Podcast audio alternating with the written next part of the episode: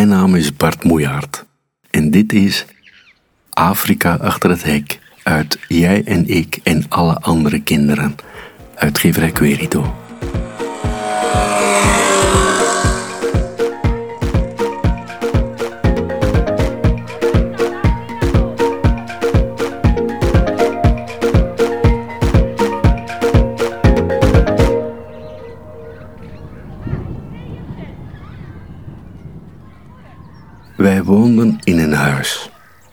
De deur zat links en rechts zat een raam. De buren hadden hetzelfde huis als het onze.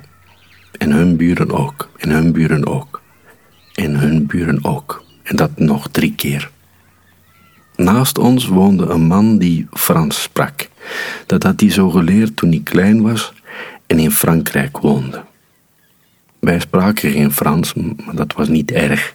De man was nooit lang thuis. Hij moest aldoor op reis voor zaken. Voor praten had hij nooit tijd. Hij was altijd onderweg naar ergens, naar landen waar ze snapten wat hij zei. De man die Frans sprak, had een vrouw die ook iets sprak. We wisten niet wat ze sprak. Iets. De vrouw was mooi bruin en ze heette Désirée. Dat is een Franse naam, zei mijn moeder.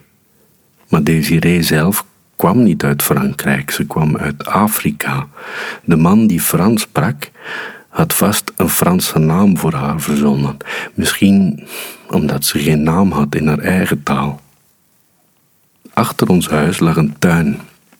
Eerst kwam er een terras van drie grote tegels groot. Er was een trapje in het midden. Daar moest je af als je over het gazon naar het schuurtje wilde. Achter het schuurtje lag een moestuin van zes bloemkolen breed. De buren hadden dezelfde tuin als de onze. En hun buren ook. En dat nog vijf keer. Maar ze kweekten niet allemaal bloemkolen. De vrouw die iets sprak, kweekte gras. Overal stond gras, lang gras met pluimen en, en sprietgras met witte bloemen. De man die Frans sprak, ging er nooit met de machine overheen, daar had hij geen tijd voor. En Desiree deed er ook niks mee. Ik denk dat ze het kweekte om er naar te kijken. Als de zon scheen, zette ze stoelen buiten. Ze ging met haar vier kinderen midden in het gras zitten.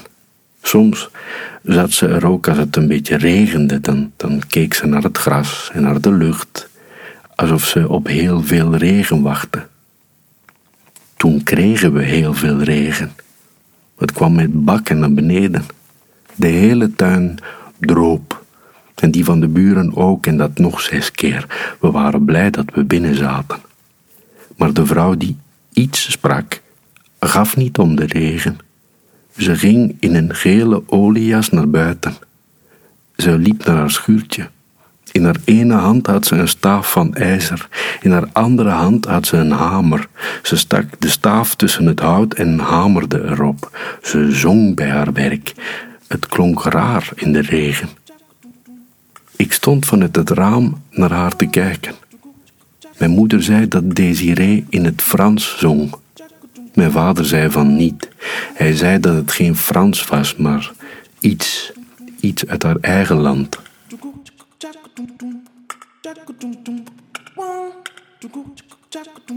Na het eten hield de regen op. Ik ging buiten over het hek staan kijken. Daar kon ik Desiree beter zien. Van haar schuurtje stond alleen het dak er nog, een dak op vier palen. Desiree lachte naar mij. Ze leek heel tevreden. Ze lachte ook naar het gras en naar de lucht. De volgende dag regende het niet meer. Onze tuin was weer droog en die van de buren ook. Iedereen kwam buiten zitten.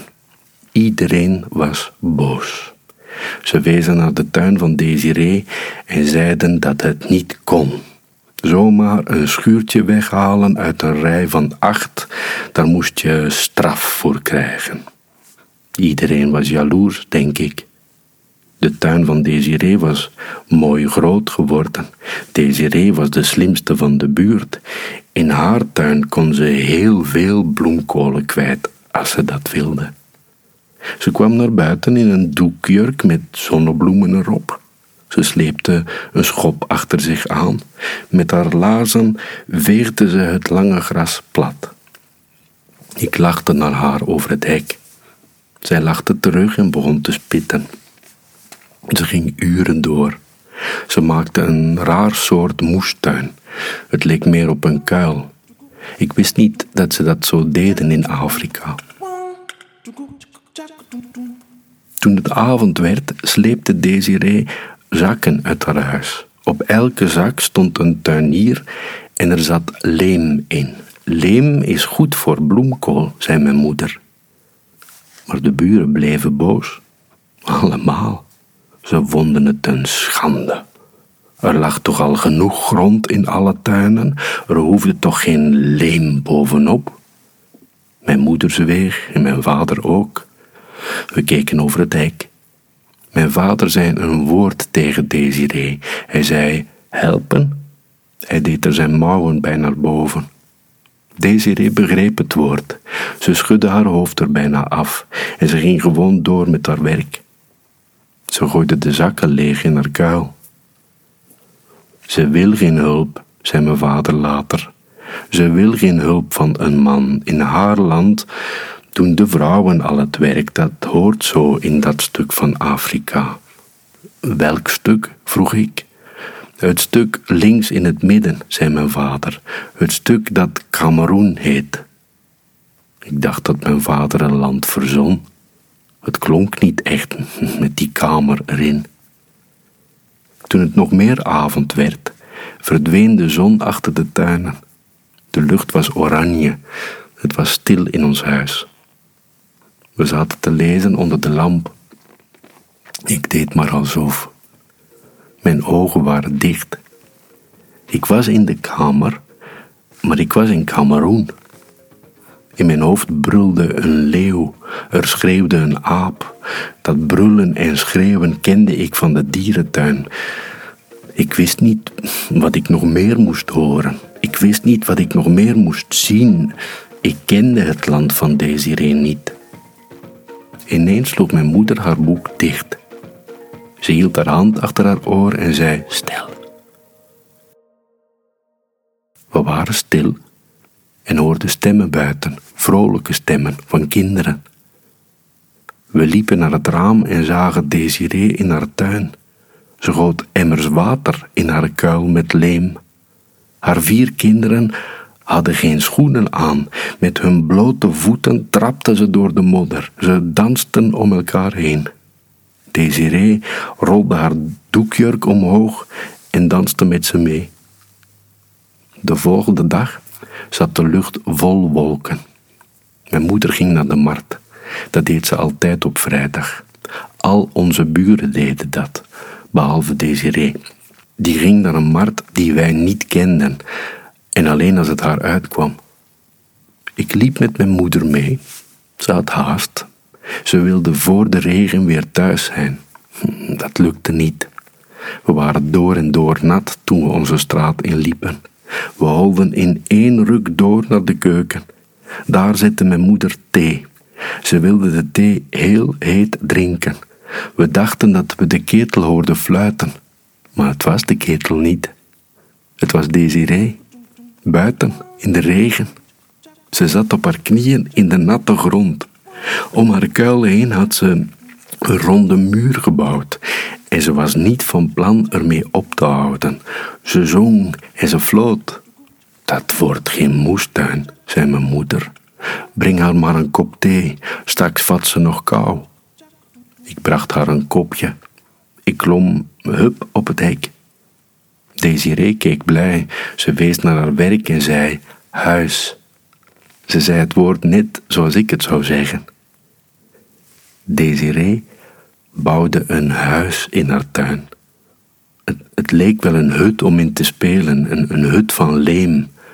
Ze werkte er dagenlang aan, regen of geen regen.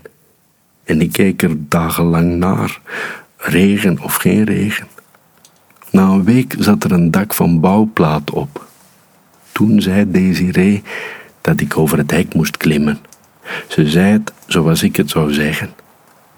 Ik liep achter haar aan, de hut in. Ze had thee voor me klaargezet. Ze zei: Welkom. De regen tikte op het dak. Het klonk knus. Per ongeluk stak ik mijn vinger in de muur. Ik schrok van het gat dat ik maakte. Uw huis is nog niet droog, zei ik. Nee, zei Desiree. Nog een zomer wachten. Dan krijgt geen bulldozer het nog stuk. Mijn grootmoeder in Cameroen heeft net zo'n lemen hut als deze.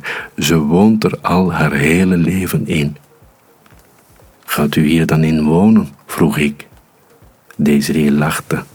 Niet echt wonen, zei ze. Af en toe wil ik hier komen zitten. Als ik het andere huis moe ben. Als ik mijn land mis. Want soms heb ik heimwee naar mijn land. Ik laat je nog wel eens foto's zien. Goed, zei ik. En ik dronk van haar thee. Foto's laten zien. Dat betekende dat ze me terug wilde zien. Ik zei dat ik heel goed een leeuw kon nadoen